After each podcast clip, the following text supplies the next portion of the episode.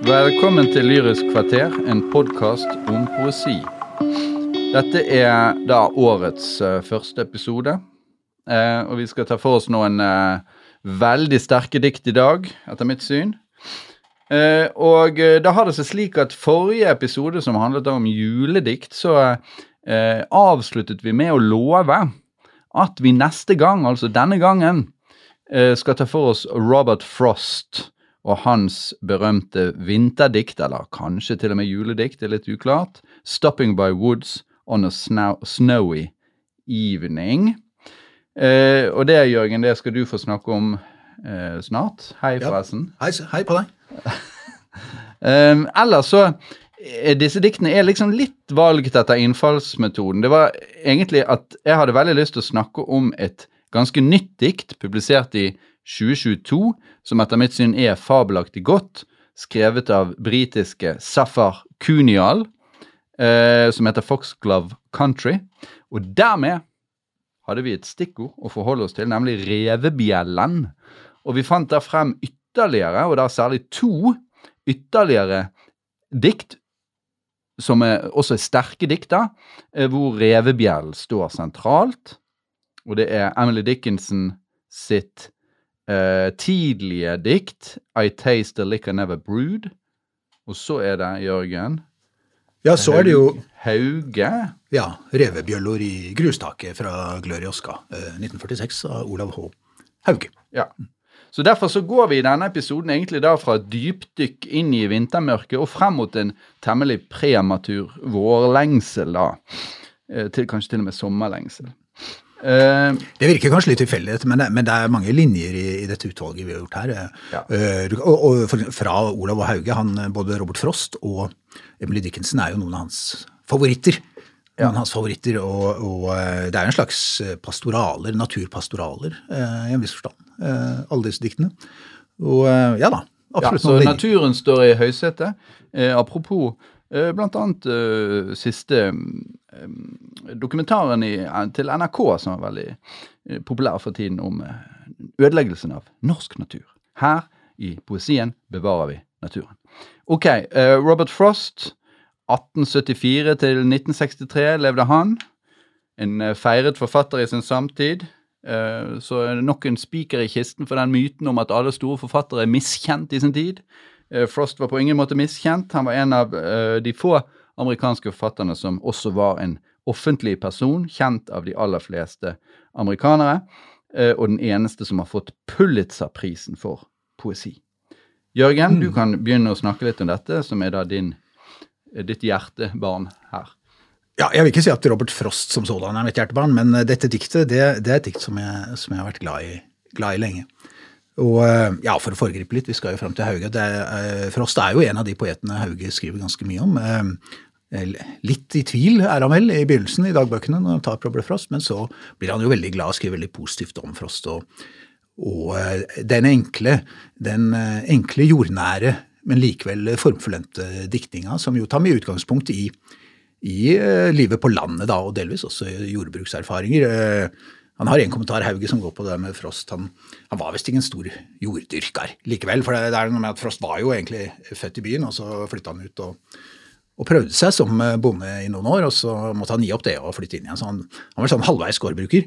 Eh, Men, eh, men likevel, mange av diktene hans er jo, og som også dette diktet, fra, fra opplevelser fra å være ute i, ute i naturen eller ute i kulturlandskapet. Som da både kombinerer det der som Hauge har veldig sans for, da, med, med at det er formfullendt og, og ofte både rim og rytme. Han skriver også sonetter, ikke sant, som Haug også blir opptatt av. Dette er ikke en sonette, men han har andre sonetter. Dette kan minne om en sonette. Um, uh, og som sagt at, at det er tilsynelatende enkle naturbeskrivelser med en slags filosofisk og eksistensiell uh, grunnlag. da. Så dette er i hvert fall dette diktet her. Uh, det er jo et av de aller mest kjente, da. Eh, og vi kan lese det. Ja, det, er- vi kan jo si at det er, fra 20, er det skrevet i 22, publisert i 1923 i en samling med tittel New Hampshire.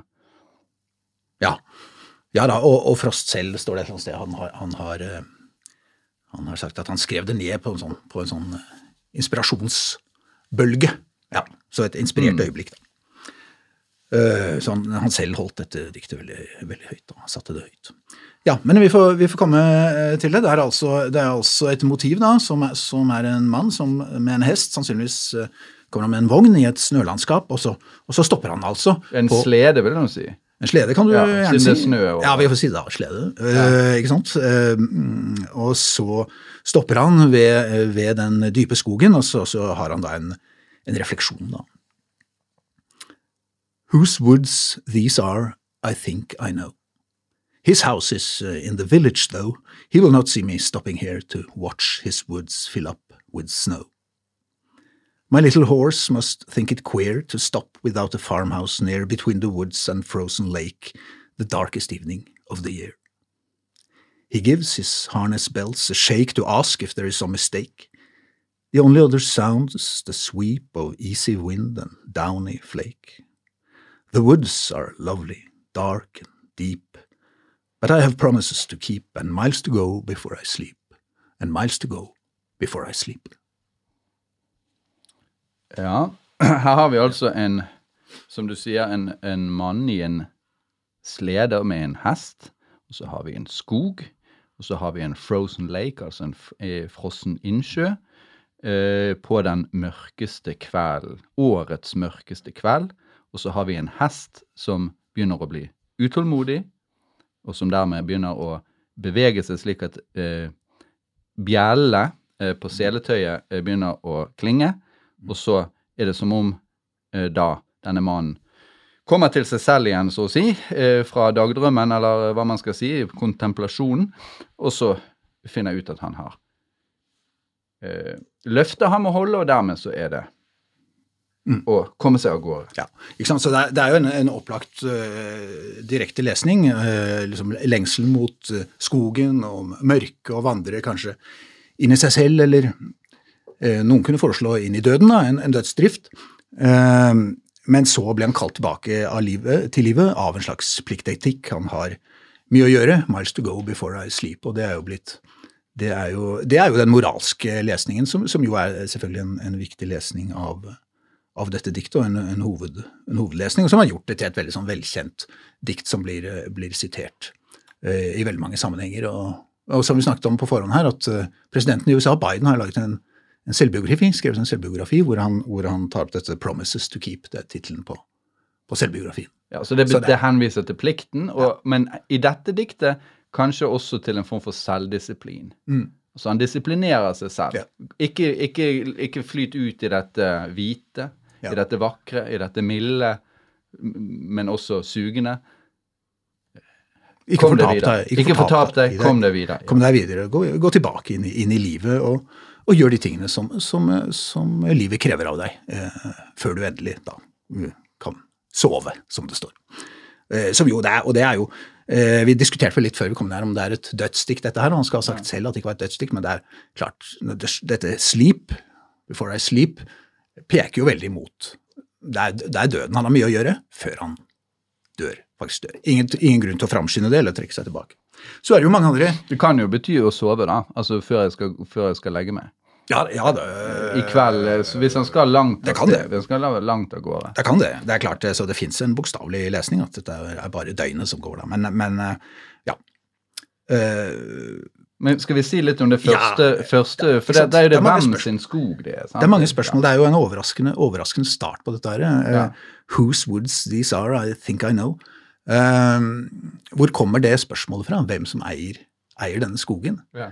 Uh, og jeg har, ikke noe, jeg har ikke noe svar på det, men, men jeg har alltid, fordi at det er klart at alle som har vært helt alene, helt alene i naturen, altså den opplevelsen å være i et stort landskap, og det er ingen, ingen andre mennesker, det er en veldig spesiell, en spesiell følelse, en spesiell erfaring, en eksistensiell erfaring på en måte, av, av ensomhet, men også av, av, av å være i, i eh, en stor sammenheng, eh, og en slags naturopplevelse som, som nettopp Nettopp det spørsmålet hvem, hvem er det som eier Hvis du er helt alene ute i Nordmarka, så, og så står du og nyter skogen, og så Ja, hvem som eier altså, ja, Løvenskiold liksom, sitter nede i byen og, og eier dette, men, men du føler selv et eierskap da, og en, en tilhørighet der. Sånn at, sånn at det er noe med at selve den grunnleggende naturerfaringen der som fører deg inn i Ja, altså stille spørsmål, selve eierskapet. Det, det føler jeg er en Altså eiendomsretten som sådan.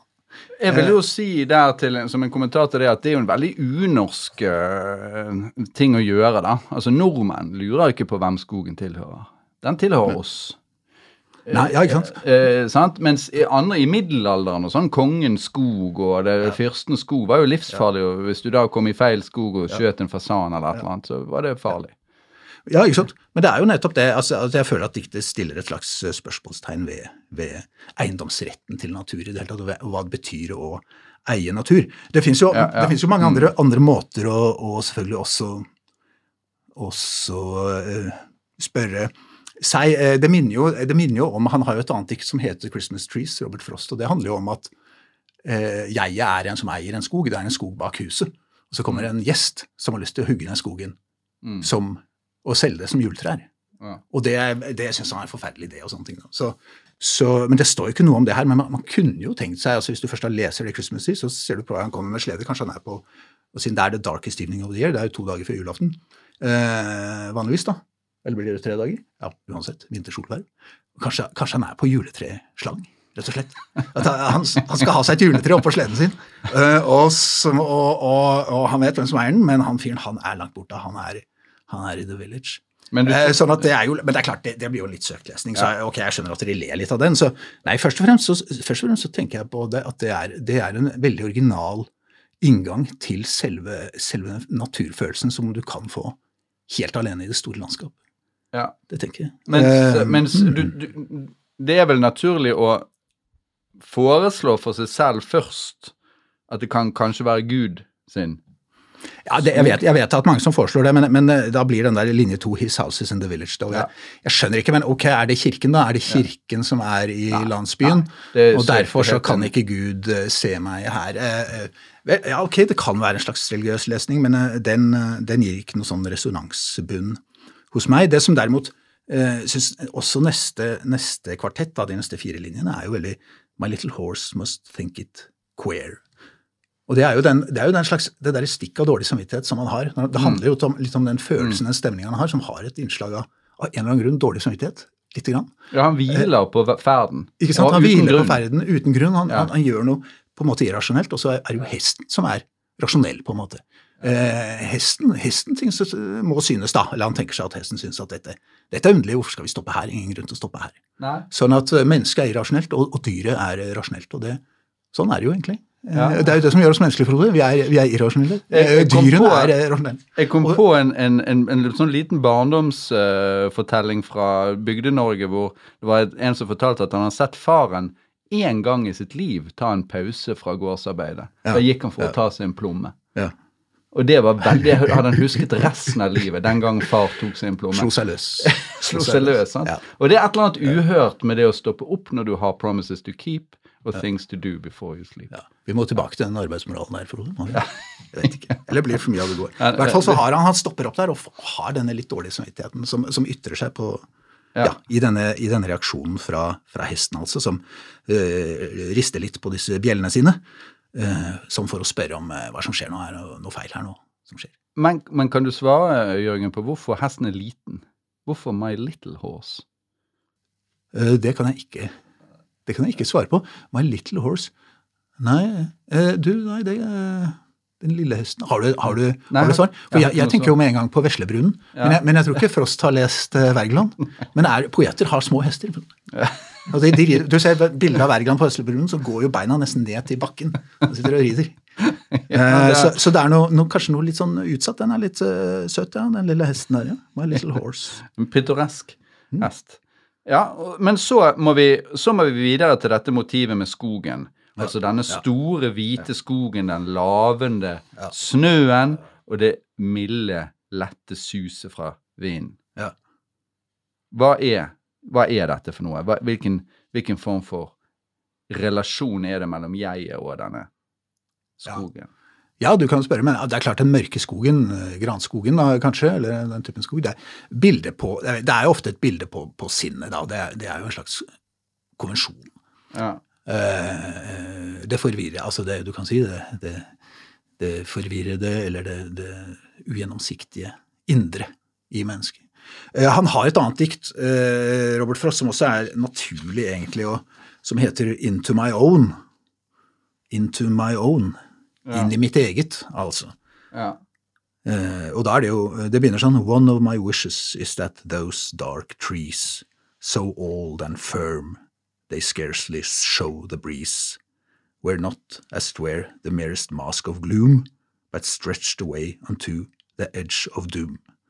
Altså at disse ikke bare er the mask of gloom, men at de skulle strekke seg hele veien inn til så å si dommedag. Altså han, har den samme, den samme lengselen inn i trærne, inn i mørket, øh, og da øh, koblet til en stemning, altså gloom. Så, men det er klart, den psykologiseringen er jo helt tatt ut av dette diktet, og det gjør det jo på mer, mer jordnært og bedre. Men det er klart det klinger under at, at det er, at det er en, eh, et, et ønske om, en, om ensomhet, å trekke seg inn for seg selv og fjerne seg fra menneskene. For det er jo et veldig Han er jo borte fra menneskene. Det er jo et her her, ikke sant. Eh, they will not see me stopping here, here hvor han er altså helt alene, og i motsetning til der hvor altså de andre menneskene er, the village, som han ikke har noe særlig lyst til å dra tilbake til. Ja, Og- men, men, men er, det, er det veldig naturlig å lese inn skogen som et bilde på hans eget sinn her? Altså Det er klart at sinnet er jo der i den forstand at han, at han lenges, at han lengter mot naturen, han lengter mot det hvite og alt dette. Det er jo det som har understøttet denne dødslesningen. men, men, men, men han lengter også, Frode, mot det mørke. Uh, the Jo, jo, woods are lovely, lovely, Men lengter han inn i sitt eget sinn? Gir det mening å si? Altså, Ja, skogen, altså Ikke sant? Du har den linjen The woods are lovely, dark and deep. Eh, Det er, jo- det er jo da en diskusjon eh, om det skal være komma etter dark, altså om skogen er lovely og dark og deep, eller om den er lovely, det vil si dark and deep. Om dark and deep altså er en utdyping av hva det er å være lovely. Skjønner du? Ja, jeg skjønner, men jeg, Og- og ikke, jeg ser ikke så, gjør ikke så veldig inntrykk på meg den distinksjonen. Nei, at, men i hvert fall det som er dark and deep, det er lovely. Ja. Det finner han eh, Ja, det er vidunderlig. Det er klart. Ja, Det er og det er klart, det er jo, en, det er jo, det er jo hans oppfattelse av skogen, som jo helt gjenspeiler hans sinn. Dark and deep. Ja, ja, ja. Men, men, men, jo, jo, men, men, det, men det er jo akkurat det at, det er jo akkurat det at i dette diktet så er det holdt veldig det, er, altså det blir ikke sagt. Ja, psykologi, psykologiseringen er bare antydet veldig hårfint, ikke sant? i motsetning til det andre diktet, Into My Own, som jeg snakket om, hvor, hvor, er, eh, hvor skogen blir helt tydelig metafor. Da. Og her, her, her må vi bare ane Så her kan du også bare gjøre som du tenderer til, og bare lese som et Lese det Som en erfaring. som en erfaring. Ja. Mm, Og da, for da vil jeg spørre deg, eh, Jørgen. Hvis du står i skogen, sånn som du antydet at du hadde gjort da alene, i Nordmarka f.eks. Jeg har vært alene i store landskap. Ikke, I Nordmarka får jeg kanskje ikke helt den følelsen, men, men på fjellet i Telemark f.eks. Der. der. Men føler du da at du skuer inn i ditt eget indre? Har du noen gang tenkt det? At det er det du gjør når du står der? Nei, men du kan føle på en veldig, en veldig på en måte positiv ensomhet. Ja, det, Ja. det er klart. Men det er ikke sånn at det, at det er en levende erfaring at den naturen egentlig er det selv, vil jeg si. Ja, det er, Nei, det er, det, er kanskje det er det, at det er en poetisk, altså en, en, en lyrisk, en litterær konvensjon. konvensjon som Ja. bare dukker opp med Ja, en en gang. romantisk konvensjon. Med en gang det står om de eh, dragningen mot de dype skoger. Ja. Eh, Så det, det er vanskelig å unngå den, da, men, men, eh, men det er jo kanskje det som er så genialt med dette diktet, at han, at han holder det han holder oppi det hverdagslige, og så blir dette bare en litt sånn vag klangbunn bak. Men jeg vil stille et annet spørsmål. Eh, nemlig, uh, for at du antydet jo da i begynnelsen, eller nå flere ganger, at det er bra at han da kommer seg ut av denne kontemplasjonen og kommer seg videre på veien. Eller er det, er det en negativ ting? Burde han, burde han ha sagt nei til alt det kjas og mas, og heller gjort den type ting litt oftere? Og stoppet opp Mm. og følt på kreftene? Nei, jeg, jeg, jeg, er liksom litt der eh, på beina, så blir grepet av pliktetikken. Ja. Ikke sant? Han, han, han, han gjør det han bør gjøre. Han vender tilbake til plikten. Og det passer Han gjør ikke det han egentlig har lyst til å gjøre. Nei. Al- Alle slappfiskefrode kan gjøre det de har lyst til å gjøre. Er, eh, folk sier nei, det har jeg ikke lyst til. Ja, det har jeg lyst til. Alle kan gjøre det de har lyst til, men de gjør det de bør gjøre. Det er det det handler Altså, om. så du Og det, du er på det er en moral for vår tid. Jeg er litt enig. Jeg er litt sånn moralistisk akkurat der. Eh, Ja, som pliktetikk, ja. Men samtidig kan du jo òg si det at det som er problemet, er at vi hele tiden bare jager etter vind. Litt Ja. mer som predikeren. sant? De jager etter vind ute i samfunnet. Ja, ja. Og de, alle de der promisesene som han har to keep, er egentlig bare jag etter vind. Nei, Så det han det burde ha gjort, det det var egentlig å stille seg ut i naturen. Det er det at han har lovet det. Det er, det er likegyldig om det er jag etter vind eller hva det er, men det er, det er løfter. Ok, Så du mener at det ikke er noen Det er ikke noe tvil om at det er bra at han kommer seg løs fra kontemplasjon? Nei, jeg mener, jeg mener at eh, det er bra at han stopper opp, og så er det bra at han går videre. Så hvis det er en dødslengsel, da, for det, har, det er jo et sånn eh, vanlig tema i amerikansk eh, litteraturforskning som ble tatt opp i en episode av The Sopranos, hvor han er der sønnen til Tony skal lese That asshole Robert Frost, som han sier, for den forstår ingenting. Eh, uh, og da er det jo, kommer jo Maddow, søsteren, da, og forklarer at dette handler om døden. Ja. Og det, det, som er da fra forskningen, det er en impulse toward extinction, heter det et sted, da, som er sånn berømt formulering. Uh, er det rimelig? Nå, nå skal vi avslutte med det og bare stille det spørsmålet. Må vi lese det som et dødsdikt? Du er jo generelt veldig ivrig etter å lese alt mulig som dødsdikt. Ja da, ja da, og jeg syns det når det slutter med uh, Before I Sleep, så er, der er det helt klart at eh, det blir ganske tydelig. At det handler også om å dø. Jeg har mye å gjøre før jeg skal dø. Og derfor så har jeg ikke egentlig tid nå til å stoppe her noe lenger. Ja, Men det var fint. Det var, og, og diktet er jo, diktet er jo i seg selv representerer jo selve den, selve den refleksjonen hvor han stoppet opp. Jo. Men han går ikke inn i skogen. Nei, men du kan si det at eh, her er det litt flere, litt forskjellige kanskje, ting. kanskje, kanskje han kutter ned et juletre og tar med seg Men, men, du kan, men du kan tolke sleep som uh, døden, altså noe, Mm. alt dette jeg må gjøre før jeg dør, eller alt jeg må gjøre før jeg nå skal legge meg i kveld, det er noe, det er noe greit. Mm. Men spørsmålet er om selve kontemplasjonen, mens han står der og ser ut i det hvite, nødvendigvis er en dødslengsel. Uh, det er jo noe litt Ja, annet. ja, ja, ja, ja nei, eh, det, det er kanskje å dra det langt å si at det er en dødslengsel. Det blir mer, det blir, det blir mer en, en, en lengsel mot isolasjon, Ja. mot ensomhet. Og- Litt mer det som uttrykkes i det andre diktet, den sonetten jeg nevnte, 'Into My Own'. Ja. Det som, det som Frost selv sa, han sa som vet, vet iallfall to ting eh, om eh, diktet. Det ene han sa, det var at han var at han la veldig vekt på hvor fantastisk det var å skrive dette diktet. Som du var litt inne på. Ja, ja. At, han, at han skrev det uh, Ja.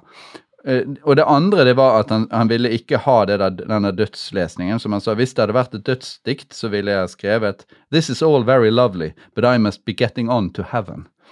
Uh, men det er ikke dit han skal. Det er som om han sa, da sier han for spøk, This is all very well, but I must be getting on to Phoenix, Arizona to lecture there. Altså vanlige gjøremål. Eh, så, så, men nå er det jo ikke diktere som bestemmer betydningen av sine dikt sånn utenfor diktet, da. Jeg, jeg tror ikke han ville skrevet det. I, I must get on, get on to heaven. Hvis- Nei, men det er en spøkefullt sagt, da. Ja. Men han skrev det altså en juni, tidlig om morgenen i juni, altså en Ja. sommermorgen. Etter å ha jobbet med et annet dikt hele natten, så kom han ut, og så plutselig kom dette bildet over han som en hallusinasjon, og så var det rett inn Mm. og skrive det ned. Og det var fantastisk. Og dermed så er det ikke så er det mer et slags bilde, det selve hele dette bildet som er poenget, syns jeg, da, av denne mannen i denne skogen. Og det var det for Frost også. Ja, det er, Det er kanskje ikke så Men klart var- budskap nødvendigvis. Nei, nei, Eh, nei, men det er klart, fra når hans sier, sier det er et dødsdikt, så, så betyr jo ikke det at man mener at det egentlig er det, er det det egentlig betyr. Man bare peke på at det er en betydningsmulighet eh, som åpner seg i, i denne teksten, og som klinger med. Klinger med. Men, men det som står, det står jo ikke noe annet enn det som står. Det, slik er det jo alltid. Vi går videre til eh, neste dikt. Eh, det som vi da gjør, det er at vi går eh, kronologisk til verks med hensyn til de andre diktene, men vi minner om at grunnen til at vi har disse revebjellediktene nå, det er det siste diktet av Safar Kunial, som vi skal lese der til slutt. Men da kom vi altså over uh, et dikt av Emily Dickinson uh, først da, fra 1861, som heter I Taste a Liquor Never Brewed. Uh, og det er et dikt hvor, hvor revebjellen spiller en sentral rolle. Eh, jeg kan ikke her nå si sånn veldig mye om Emily Dickinson, men hun er jo en amerikansk poet eh, fra eh, Amherst, Massachusetts. Veldig berømt for å ha vært isolert i store deler av sitt liv. Først i huset, og deretter mer og mer bare på rommet, hvor hun da var kledd i en hvit kjole etter hvert, som er utstilt da på dette museet, som er, blir hun liksom The Lady in White, og da en, en, på en måte en sånn nærmest en mytologi rundt, rundt den tilbaketrukkede det tilbaketrukkede kvinnelige diktergeniet. da. Og hun er jo da i motsetning i forhold til det du sa i begynnelsen om Frost, at han, han oppnådde jo veldig veldig stor erkjennelse. Mens, mens hun anerkjennelse. Var, anerkjennelse, ja. Unnskyld. Ja, og erkjennelse. Men, men det var, jeg mente ja. anerkjennelse. Mens, mens, Dickinson var jo mer enn Hun var jo kjent i en engere krets, så vidt jeg har forstått, men, men, men hun, veldig få av hennes dikt som faktisk ble, ble publisert mens, mens, hun levde. Så, så hennes Kun ti. Ja. Så hennes, helt, uh, hennes, berømmelse har, har, kommet i ettertid, da, postumt. Absolutt. Hun var helt ukjent. Litt selvforskyldt, kan man si. Fordi eh, du kan si det at eh, hun er jo da sånn halvveis samtidig med Walt Whitman. Og Walt Whitman han sender jo da diktene sine til Emerson, den store mannen i, i amerikansk åndsliv på denne tiden, mens hun da sender diktene sine til Thomas Wentworth Higginson istedenfor. Som er da en absolutt en eh, ganske eh, mi, minimal skikkelse i, i, amerikansk litteratur, som selvfølgelig hadde vært fullstendig glemt hvis det ikke hadde vært for at han da var den som utga den første boken med dikt av Emily Dickinson fra 1890. Eh, så hun valgte seg en sånn minor figure som hun, som hun kunne da være i korrespondanse med fullstendig overlegen. Men eh, hun hadde nok Hun skriver jo da tidlig til Higginson at det å publisere er ganske fremmed for henne. Men dette diktet hadde hun faktisk allerede publisert da hun eh, begynte denne korrespondansen. Det sto på trykk i eh, Springfield Daily Republican 4. mai 1861 i avisen, eh, men der med en, en konvensjonell typografi, oppsett, Uh, Dickinson er jo kjent for f.eks. disse tankestrekene sine, dashes, mm. som hun bruker istedenfor uh, vanlig tegnsetting, og som selvfølgelig da etter hvert kom inn, er basert på hennes meget sirlige håndskrifter, som var godt, uh, godt organisert fra hennes hånd. da. Mm. Uh, mens, uh, mens, de som ble publisert i hennes levetid, der var det, det er borte. Så der, de, de uh, fremstår som noe mer konvensjonelle. Mm. Og da, og da, da sto i den avisen, det, det leste jeg, da, da hadde jeg også en tittel. Ja. Det har de tatt vekk fordi at, fordi at hun har, setter ikke tittel på diktene sine, men det het The May Wine. Ja. Mai-vinen. Ja, ja, nærmest, Det blir nærmest et sånt uh, for, det er veldig, det er veldig, et, Leilighetsdikt, nesten. Nå er det mai, liksom. Et vårdikt, ikke sant. Så, vi har jo masse i norsk litteratur, og vårdikt det er jo en, en sjanger. ikke sant? Til foråret av Wergeland. Mm. Og selvfølgelig Maidagen av Tolin og Bjørnsons Salme 2. Ære det evige forår i livet også. Så helt det der med vårdikt Dette er et vårdikt. Det er jo et, er jo et vårdikt, men, men den tittelen den, den, den, figurerer ikke nå i utgaver av, av Emily Dixon, og skal sikkert ikke være der heller. Og, og, vil jo være noe som gjør diktet mer konvensjonelt enn det kanskje er. For det, det, er jo ikke noe Eller det er et ganske særpreget dikt. da. Ja, og så er det vel noe langt mer enn et vårdikt også. Ja. ja. ja. Eh, så jeg kan lese, begynne med å lese diktet. Jeg har ikke øvd meg så mye på det, så vi får se hvordan det går. Eh, jeg bare tar det rett frem. Eh, I taste the liquor never brewed from tankards scooped in pearl. Not all the Frankfurt berries yield such an alcohol. Inebriate of air am I, and debauchee of dew, reeling through endless summer days from inns of molten blue. When landlords turn the drunken bee out of the foxglove's door, when butterflies renounce their drams, I shall but drink the more. Till seraphs swing their snowy hats and saints to windows run to see the little tippler leaning against the sun.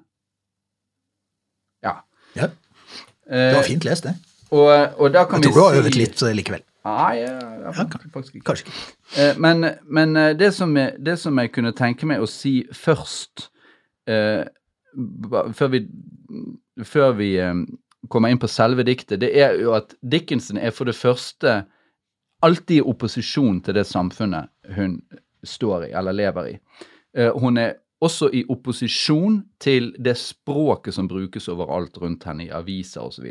Til talemåter og sånn. Og hun bruker veldig ofte de talemåtene i diktene for så å si å vri og vrenge på de og vise Det er egentlig en diskurskritisk dikterisk praksis hun har. Mm. Og, og, og, Harold Bloom, da, som er en av de som har lest uh, Dickinson med stor interesse, han er jo også veldig opptatt av at hun er blant de få dikterne som tenker igjennom absolutt hele verden for seg selv helt fra grunnen av. Hun aksepterer så å si ingenting. Mm. Hun lager seg sin egen verden i diktene, litt sånn som William Blake. Det ble hans, uh, hans sammenligning. Der, for Blake lager jo seg sin egen religion og sitt eget verdensbilde sånn helt fra grunnen av. Uh, og, og, litt sånn her også. Og i dette diktet så handler det veldig mye om å lese og ironisere over datidens oppbyggelige litteratur, og mer spesifikt sånne populære avholdspamfletter. Uh, på den ene siden, da, altså hvordan man skal være en avholdsperson, men også, også en folkelig forestilling om den alkoholiserte avholdspredikant det er en sånn vanlig, vanlig figur i folkelig komikk. Altså ja, Han, er, han pre predikerer hele tiden avhold, og så er han hele tiden dritings. Og blir sett da lene, ikke mot solen naturligvis, men mot lyktestolpen. Så det er liksom, istedenfor å lene seg mot lyktestolpen, så lener hun seg mot sol her. Men du kan, du kan fortsette. Hva er, hva, er vi, hva er, det du biter deg merke i her i dette diktet, Jørgen? Ja, eller, ja, det er jo den berømte, den berømte førstelinjen, selvfølgelig. I taste a liquor never brewed. Et paradoks. Et paradoks, ja. Begynner ja. med et, et, paradoks. En drikker da en, en liquor som aldri har vært brygget. Uh, ja, og så er det jo da, så, så er det jo i og for seg da en, en, en, en allegori, da, en, en, oppbygget parallell mellom det å drikke og beruse seg uh, på på kroa og, og sånne steder med alkohol. Og satt opp mot eh, hennes opplevelse av våren, da. Hennes våropplevelse, hennes naturopplevelse. Ja. Så, så det, er, det, er det, det, er, jo den parallelliteten som hun, hun uh, jobber seg gjennom, gjennom i, disse, i, disse, linjene, som, som, som, du sier, er sånn, det er språklig, som Dickinson jo ofte er, språklig utfordrende. Og En ting er for oss som ikke er morsmålsbrukere, men også for, for, eh, for engelskmenn. Så, så som, sier, som, du sier, vrir og vrenger på formuleringer. Det kan jo være litt vanskelig for oss av og til å, å få med oss, da. Hvis du ser på uh, litt sånn konkrete ting, altså ja. tankards, det er jo sånne ølmugger. Ja, det er krus. Jeg tror det er norske ordet krus dekker det ganske godt. Det, og så er det scooped in pearl. Det betyr altså ja. at de er, de er skåret ut av perle. Altså du, har, du, kan forestille en slags perle som er blitt en sånn Ja, er det det? Eh, altså Når jeg leser den, så eh, jeg, jeg tenker litt Og, og, scoop, og, scoop, er jo også å, liksom Hva heter det? Å, dra med seg. Scoop up. Eh, sånn at, altså, det er klart jeg tenker, i, i lys av det som kommer senere i diktet, at disse blomstene kommer inn, og the dew og sånne ting, så tenker jeg at pearl det er både, det er både perlene Altså det er, eh, det er kan si, bobler i, i øl eller mm. i perlende vin, og det er duggperlen på blomsten. Okay. Eh, som, som, blander seg da i disse krusene, som jo er da både krus og, viser det seg seinere, eh, blomster. Eh, altså blomster. Blomsterkopper, blomster. De krusformede eh, foxglows-blomstene. Ja, jeg leste det som at selve, selve kruset var laget av perler, men det er nå så. Ja. Eh, det kan sikkert være minst like bra å lese det sånn som du gjør. Ja. Men det viktige her er jo alkohol eh, bær og alkohol. Det vil si ja. dette er rusdrikk. Ja. Og Det er jo rart det der Frankfurt Berries, men det, det, det bruker hun i et annet dikt også. Akkurat det der Frankfurt, At det er, at det er fra det er, det er, et ord hun bruker fra, fra mm. vin fra Rindalen, rett og slett. Ja. Så, det er, så det er, eh, det er tysk hvitvin. Uh, men det kan ikke måle seg med den beruselsen da, som hun oppnår uh, med sin form for å drikke da, tankard scooped in pearl. Og det, viser seg jo neste, det er altså Luft og eh, dugg. luft og dugg og endeløse sommerdager. Og smeltet Det smeltede blå. Ja, smeltet flytende blå. Molten blue, det er også ja. et av de originale ja. grepene, da. Så er inabriate of air am I, and debauchee of dew. Altså, jeg er tungt beruset, beruset av luft, det er jo vårluften. Den er da istedenfor denne alkoholen, da. Ja. Og hun, hun, antaster, så å si. Hun kaster seg over. Hun nyter duggen. Ja, Der la du inn en liten sånn seksuell uh, Ja, det er fordi det ordet debauchy, uh, altså to debauch eh, I hvert fall, uh, hvert fall når jeg holder på med der, Jeg holder på litt med sånn 1700-tallsengelsk av og til, og da, og da er det en, en, sånn erotisk betydning. Liksom antaste, ja. nærmest. Men, men her tror jeg det er det at jeg tror først og fremst det er det at hun er, hun er u, li, lite måtehold i ja. sin omgang med det berusende. Hun kaster seg over duggen. Ja. Som, en, som en fyllik over ølgruset, da. Ja. Ølkruse. ikke sant? Ja, så hun ruser seg, og, der, og, dermed, så når hun har skrevet den, den andre, det andre strofen der, ja. så er det allerede som om vi ser et insekt, eh, iallfall for meg. så det, altså, altså, det er typisk du ser for deg en sånn som er totalt ruset på, på full i dugg og en humle, og, Du ser humlen foregrepet. Ja, faktisk. som svirrer rundt i, i luften. Ja. For, det, for det, er jo, det, er jo, viktig at, at uh, Foxglove, altså revebjellen, den er uh, tett linket til humlen. Humlens summende feil. Det er humler. Ja, det er humlens vertshus, egentlig. da. Ja, ja, det er disse, disse, blomstene til uh, revebjellen.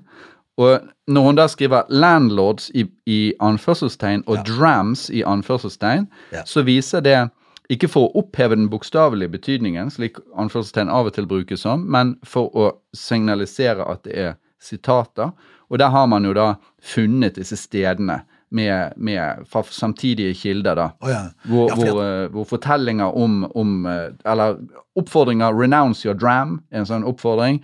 Og så er det landlord som kaster ut altfor fulle kunder. For, fordi at det er jo, når det står det, Den linjen der 'when', og så står det anførselstegn som sier 'when', anførselstegn, landlords, anførselstegn, 'turn the drunken bee', out of the Foxglove store. Altså, eh, Den syns jeg var problematisk, for det, det, er jo uklart da, på det allegoriske planet. Altså, ok, Du har The Drunken Bee, da, eller humlen som har suget i seg nektar inni her, og så er den blitt helt beruset av nektaren, og så blir den kastet ut. Men hvem er det som egentlig kaster humlen? Det er ingen som kaster, det er ikke noe landlord i blomster i blomsten.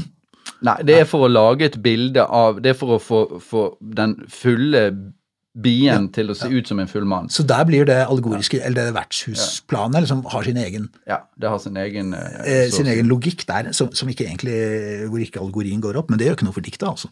Uh, så when, uh, da landlords turn the drunken bee out of the foxgloves door. Og foxglove er jo da det var det som har satt oss på dette sporet, da. Det er, det er jo altså revebjellen, som vi kaller det. Det er også noen steder i Norge hvor de kaller det faktisk revehanske. Ja. Så. Ja, Men jeg lurer på om vi skal vente litt med å snakke om selve revebjelle som etymologi ja, og sånn, ja. til neste dikt. Ja. Fordi at her har vi liksom mer enn nok å, å ta fatt i. Uh, uten det, da. Vi har revebjellen her, uh, og vi har en, et bilde av revebjellen som et sted. Uh, et, et, avskjermet sted hvor man kan sitte og nyte våren, eller nyte vårens nektar, så å si. Det er denne det som jeg har vært litt opptatt av tidligere, denne Bauer-metaforen. Altså Bauer i betydningen et avskjermet sted i naturen mm. hvor man kan være helt i fred. Det er et bilde som her settes i spill, og som er veldig typisk for romantikken, og som vi skal se senere i Ikonials dikt kommer opp igjen der. Men jeg tenkte bare jeg skulle lansere det hos mm. Keats og i den der eh, Ode til nattergal som vi har snakket om før på denne podkasten, så er det veldig tydelig. Altså man forestiller seg et avskjermet, en løvhytte, så å si, inni, inniblant. mm. blant. Inne blant trærne. Ja da, her, og her er det jo et rom da, der det har en, en, dør, en dør utstyres da, The Fox Glowe, som også er uklart hva slags allegorisk parallell det har, men, men det er i hvert fall at uh, bi, uh, humlen da kommer ut av revebjellen og tomler ut av drita fugl. Ja. Og så er det samme med, med sommerfuglene. Ja. Eh, de er jo da eh, er så full da, tydeligvis, at de, de, gjør som, de, gjør som, oppfordringen lyder. De sier fra seg sine drammer heretter, som ja. eh, Jakob Sandebrun får gjøre her i Norge. Eh, ikke det?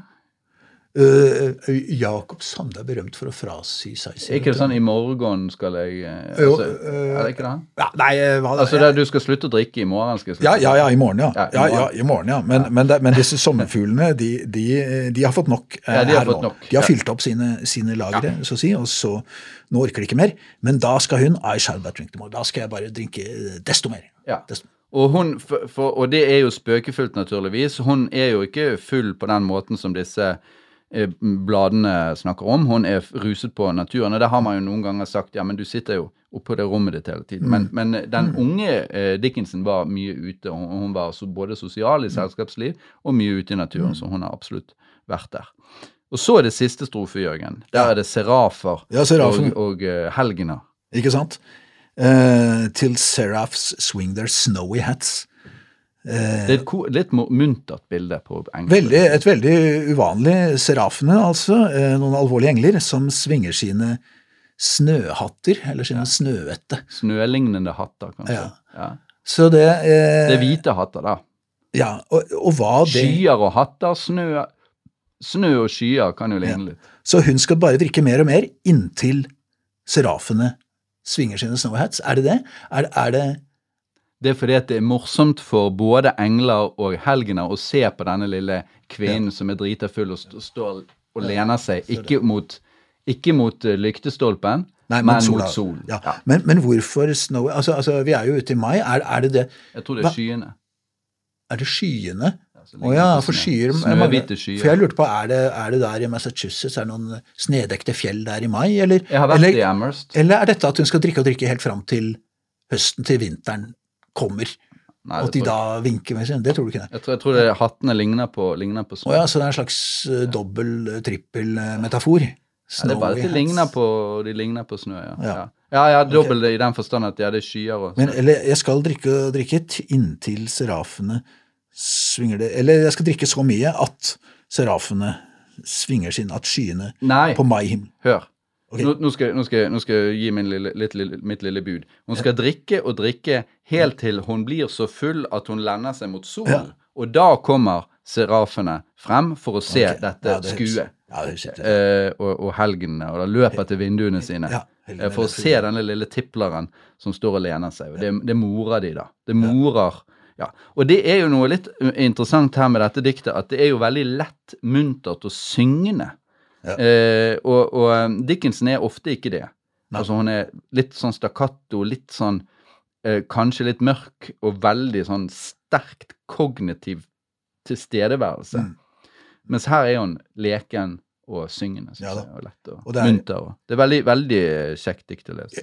Det er flott. Eh, Jeg har lest der at hun, hun hadde en, en kort periode hvor hun var, eh, ble religiøs. Det gikk sånn vekkelse i området. Oh ja. oh ja. Eh, Men så, så mistet hun det igjen. Men hun, hun så på det som en veldig positiv erfaring, men hun klarte ikke å holde fast på den. Og hun sa at, hun sa at Some keep the Sabbath going to church, I keep it staying at home.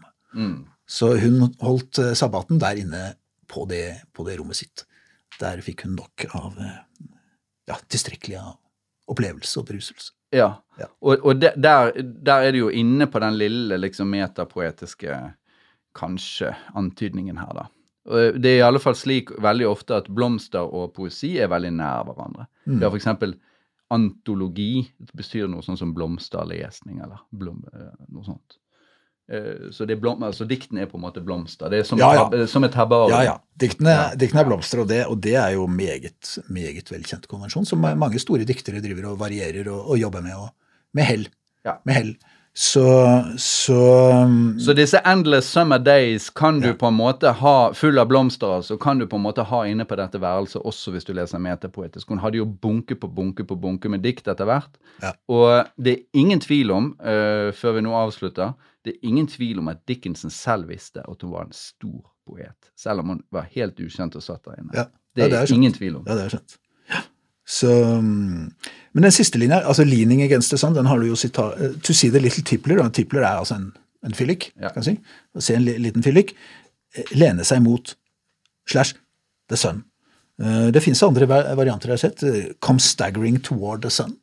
Så, så tror jeg var en, en mer opprinnelig linje, egentlig. See Ja. little tippler, tippler. 'Come staggering toward the sun'. Ja. Et litt annet sluttbilde, egentlig, hvor, hvor eh, han kommer liksom Stavrende mot stavrende solen. Ja. mot sola. Har et mål, Har et liksom. mål, er ikke der, egentlig. Nei. Mens eh, denne, i denne versjonen her så lener det lener han seg mot sola og er suveren, på en måte. Ja, og er, og er egentlig ferdig. Er ferdig. Ferdig med, med debaucheryet. Ja. Ja. Mens Come Staggering, da, da, da henger vi igjen i en litt annen følelse, egentlig. Men grunnen til at da disse høyere sfærene er, er så underholdt av denne Little Tipla, er jo selvfølgelig at dette er et menneske som er er bare et, et menneske som er totalt forelsket i, i skaperverket, i naturen, i alt som foregår, og bare ruser seg på det. Og det, det liker himmelen. Det liker de himmelske skapene å se. For dette er skaperverket som hylles av The Little Tipla. Mm. Det er, eh, ja, nei, det er kjempeflott dikt. Det er jo Altså, det er jo, det er jo eh, Altså jeg kom på, jeg kom på eh, så det at eh, Hauge, Hauge siterte Frost på at, eh, eh, at poesi det er det som går tapt i en gjendiktning. Mm. Ja.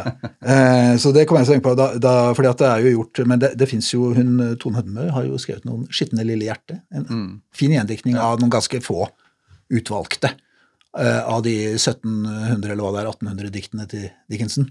Ja. Eh, noen ganske få. Det fins også en norsk Jeg husker jeg anmeldte jo en gang i min ungdom, da, var sånn, da jeg var Streng- litt, streng litt streng og spissmunnet, Ja, ja. så anmeldte jeg ikke Hødnebø, men, men, eh, men eh, Kurt Narvesen sin oversettelse av komplette. Han oversatt alle Dickinson-diktene finnes ah, ja. på norsk. Og det er, det er klart, det er jo litt, litt Det, er ambisiøst, da. det- ja, det, Halsløst. det er halsløs gjerning. Ja, det må nesten si det. Så, så al- al- alt kunne ikke da bli like, like eh, bra, og det hengte jeg meg litt opp i den gangen. Da. Så, men, eh, men, og så har jo Sigmund Skar også, og jeg ser Hauge driver ja, Det er umulig å oversette fra eh, Dickinson, men, men altså, ja, ja, men Sigmund Skar klarte ganske bra, påstår han da. Men jeg tror ikke han er helt overbevist. Det er vanskelig å oversette denne typen, denne typen ting. Ja. Fordi at det er så språkkritisk, hele tiden alluderer til, til diskurser og talemåter, og, og populære bilder og sånn i kulturen. Så ja, det, det er nok vanskelig. Vi kan kanskje gå videre. Jeg Ja. tipper at det er tid for det nå. Og da er det nye revebjeller, og denne gang i grustaket. Ja. Eh, og da kan du jo fortsatt i og for seg din Hauge Ja. Linken mellom Haug Ikke sant? Jeg har prøvd å bruke han til å lime dette litt grann sammen. Ja. Uh, uh, og det er klart, øh, Hauge Altså, revebjøllor i grustaket. Uh, det er jo et dikt som er da, som vi sa, da, i, fra 1946. 'Gloria Oska'. eh, I første del da, av den diktsamlinga. Og der er det jo egentlig det, det er det første diktet i hans kan si, offisielle publiserte forfatterskap som, som ikke har rim Mm. Rytme, så, hvor, han sånn prøver seg i den frie, frie Mm. formen. Så det er, det er et ganske slående dikt når du leser det i, i den samlinga, som, som, eh, som eh, Ja, det fremstår som originalt. Det er jo også et dikt Jeg er sånn litt i tvil om vi kunne ta det her, fordi eh, det er klart det har jo mange kan si, arkaiske, dialektale ord. Ja, og Som- da er det jo et spørsmål om du rett og slett eh, Om du skal forklare det underveis. ja, noen, noen, av, noen av de kommer jeg til å forklare underveis mens jeg, mens jeg leser Ja. eh, diktet nedover. Men det er klart, det er jo en del av det poetiske her også, nettopp at naturen har alle disse, alle disse navnene, all, eh, all denne som måtte, um, ja, språkligheten knyttet til seg. Da. Ja, det er absolutt et poeng eh, som vi kan komme inn på. Ja. Eh, den, den rene, på en måte, det, det, den språklige festen, så å si, som, som også foregår her. Ja. ja, så vi kan bare lese det fort, fort gjennom, og da, det er, altså, da må jeg jo både unnskylde da, selvfølgelig, at, at det blir en maltraktering av Hauges Ulvik-utgangspunkt, hans språklige utgangspunkt, og på den annen side, de som, de som, eh, de som har min, bakgrunn, syns kanskje dette blir, går litt vel langt i arkaiske dialektformer. Men vi får bare navigere vår Nei, egen vei. men, eh, men eh, ja. Ja, ja da, det er som det er. Det blir så det blir. Det blir som blir. Revebjøllor i grustaket. Ei gapande flenge i skogen, eit styggrive sår. Attrasa ligg det og urut. Nedover uthåla bardar, altså kanter eller bredder, nedover uthulte kanter. Torvone heng. Gloande grustippar og digre grjotdungar, altså hauger av stein, grot. Raudbrenn i solhiten. Kiselflak i regnvaska hummel. Det er nevestor stein her, hummel. Blønkjer og brår. Et hjul av ei trillebåre stikk opp ur sanden, råtnande plankestubbar ligge og sleng. Utmark og ulende, ulende kringum. I teigrond og trø veks bjønnbær i krapar, krapar, småkratt, og slikjande smylve. Slikjande smylve, det er slikkende gress, smylve er en gresstype, slikkende gress, og slikjande smylve um bjørkelegg. Grustaket ligger der, audslekt og bærflekt, ein skamflekk i skogen, som mangslungne livet i villmarki tek til og grø. Det begynner å, å gro, gro, til med det, altså. Det såddes reinrosa, reinrose er en blomst, i gjøttor under gjøkelen og feste lilja høgt i bergevegg. Hjelpast so åt, livet og krefter i spel, haustvind og røytande regn, rotveltor rusar utfor og moldtorvor slør ned etter glovrute sandras. Glovrute, det er i stykkerevne sandras. Lausmo og furutoll, det er altså små løvtrær og furutrær, da. Lausmod og furutoll. Roar seg i aurgryvl Aurgryvl, det er det verste ordet i hele verden. Sammenråta grus og stein er det. Aurgryvl, de roer seg. Altså, de vokser, de, de roer seg, de slår, slår seg til i, i, i eh, hauger av grus og stein. Disse små trærne. Rus og trås, nei, rusk og trås, det er altså kvist og kvas, sier vi. Sånn. Eh, legg seg i sanden, og navn til moll el. Akkurat den eh, linja skal jeg kanskje komme tilbake til. Navn til mål eller Jeg, jeg, tror det er en viktig linje, men jeg synes det er en veldig vanskelig linje. Eit og anna janglestrået Janglestrå det er sånne enslige strå som står spredd utover. Eit og anna janglestrået freista liv i gruset, her og kvar det nikkar, blåe fingerbjør, blåklokker er det nå. Fra alle leier kjem dei, grustaket mot, villgras og blomar i marki, fuglar bær frø dit som røtest i sand, bjønnbær kjem krupande og klunger, det er nypros. Utover løgnde skogdjup kjem revebjøllor raude grenaderar med grøne spjot. I kvite steinurdi stikk dei fram og ringlar. Ingen stad i skogen kjem dei slik i brann. Ja. Takk. Det som jeg er nødt til å si med en gang her, ja. det er at den uh, utgaven som jeg har i ja, samling er svært avvikende. Til dels. Ja. Og blant annet den setningen som du lurte på. Det er ikke svært avvikende, men er, er, han, han, endret jo litt. Det er klart, Hauges dikt i samling, der har han der har han gått gjennom, han har satt inn noen dikt, han endrer litt på rekkefølgen, og han har også pusset på en del av diktene. Ja. Og, og Så hva er, et, konvensjonen? Hva bruker man? Ja, Det er et spørsmål hva man skal bruke. Eh, og da er det jo det jeg har brukt her, er det som vi kaller ersterhant, altså førstehand. ja. den første ja. publiserte versjonen. Men eh, det er klart, når man har slikt forfatterskap som, som Hauges, hvor det, den boken det er som to, to sentrale bøker på en mm. måte som han har flikket på, det er det med gjendiktninger, og så er det dikt i samling ja. først og fremst, som er hans livsbok, på en måte. Så det er, slags, det er jo et filologisk spørsmål. Hvilken versjon skal vi bruke? Men, men jeg valgte her eh, den som er fra, fra originalen, da. i Oska. Jeg, jeg syns ikke det er så stor forskjell. Nei da, men det, det, er, det er en, iallfall en forskjell som er stor nok til at man må ta hensyn til det når man skal tolke. Men ja. for selve du kan si det, selve hoveddriften, Øh, eller uh, bildet her, eller mm. begivenheten som vi her er vitne til, er jo uansett det samme, nemlig at vi har et grustak som er en gapende flenge i skogen. Ja. Det er altså negativt skildret. Ja. Eh, og så har du blomster og natur, alle slags vekster, som, som tar over igjen og, og gjenerobrer, så å si, dette. Som du sa innledningsvis, dette med naturtap, det er jo veldig aktuelt. Ja. Og dette er eh, naturtap. Altså det er, det er noen som har drevet kommersiell da, utnytning av en, eh, et, eh, et, grustak. da, Hente ut fra en morene som er ja. tilvokst. Ja. Grave opp og hente ut eh, grusestein. Og der står det igjen da et, et, stort sår. Og det er jo det såret som er, som er det billednivået her, da, det allegoriske nivået. Så handler det om hvordan det såret gror. Ja. Det, det handler om dikt om hvordan et sår gror. Uh, og dette er da et sår i naturen hvor det er, hvor det er blomster og kratt og busker, kvist og kvas, alt mulig, kommer og dekker til, og fuglene kommer til. og et Moment etter moment kommer til og hjelper til å hele og lege dette såret, inntil endelig da revebjellene kommer, kommer til sist. Og øh, ikke noe sted i skogen står de i brann på den måten.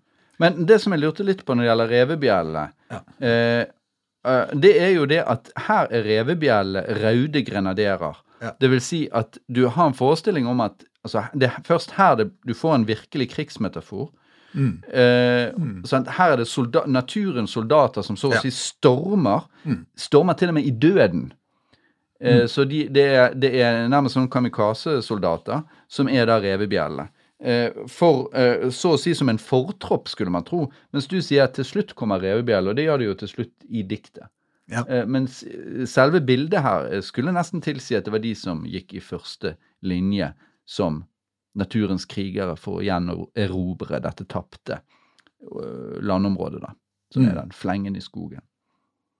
Ja.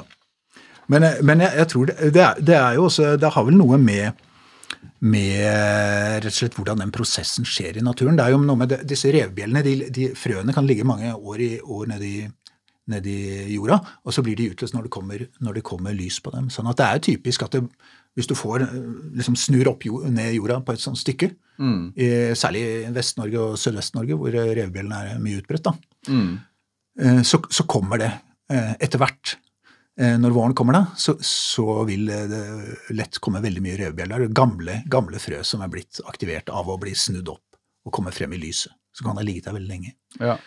En Så- bevegelig hær av revebjeller er i Mm. ferd med å hærta grustaket, skriver Ole Karlsen i sin avhandling. Ikke sant? Ja, og, det jo, og, der er det jo, og der blir det jo litt sånn konfrontasjon, da, ikke sant? Mellom, for det er jo mellom eh, altså naturen har, Det er en slags aggressivitet i naturens tilbakevending og, og liksom gjenerobring av det mennesket har, har Ja, ødelagt. Av det. Det er en kamp her. ja, Det er ikke, det, her er det liksom ikke harmoni. Det, det er, men, men, men diktet er med naturen, da, utvilsomt. mm, Eh, sånn verdimessig. Eh, men, men så er jo spørsmålet videre altså det, det første som jeg ville Eller det, det som, jeg som slo meg veldig da jeg leste det, som jeg mener er den sentrale kvaliteten med diktet, Mm. er jo ikke å si at et, et grustak vokser igjen. Eh, det er rett og slett ordenes sanselige kvalitet som du nå veldig godt fikk frem. Og dermed så har man en følelse av at ordene mimer det de beskriver. Det er som om ordene driver og vokser og, og, og, og eh, kryper og, hva man skal si eh, inntar dette grustaket. Mm. Det er som om ordene mimer det plantene gjør. Mm. Eh, det er, eh, ordenes sanselige kvalitet her syns jeg er veldig sterk. ja. ja. Det, du, du, du, ne, det er nesten så du kjenner ø, blomstene vokse i munnen på deg Ja. når, du, når du leser det. Eh, De, de, de, de snor seg og, og, og um, faller liksom frøet ut. Og, Ja. Og, det, og det, jeg er helt enig. Det, det, det har en, en voldsom sånn eh, språklig sanselighet i seg, det diktet. Um, og det er derfor jeg også lurer på den derre altså Det står uh, rusk og trås, altså i denne første utgaven, da. Rusk og trås, legg seg i sanden, og navn til mold el. ja, Altså, i, det- I denne er det 'legg seg i sanden' og 'el navn til Mold. Ja. Men uansett så handler det jo om at dette rusk og tråset, det gir navn til jorda. Mm, nettopp. Det regner navn Altså el, el er, er vel egentlig å, regne. Ja. ja.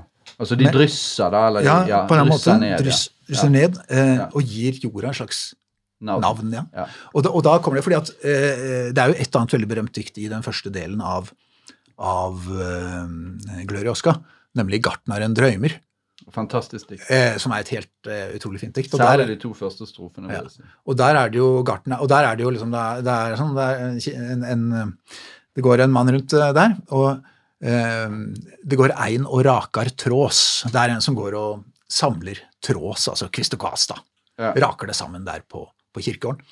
Eh, det er en gartnerberre med en riva, som det står. Eh, Men stundom tek hans tanker til å svive. ikke sant? Så det er gartneren som drømmer, det er jo poeten, dikteren, som samler trås.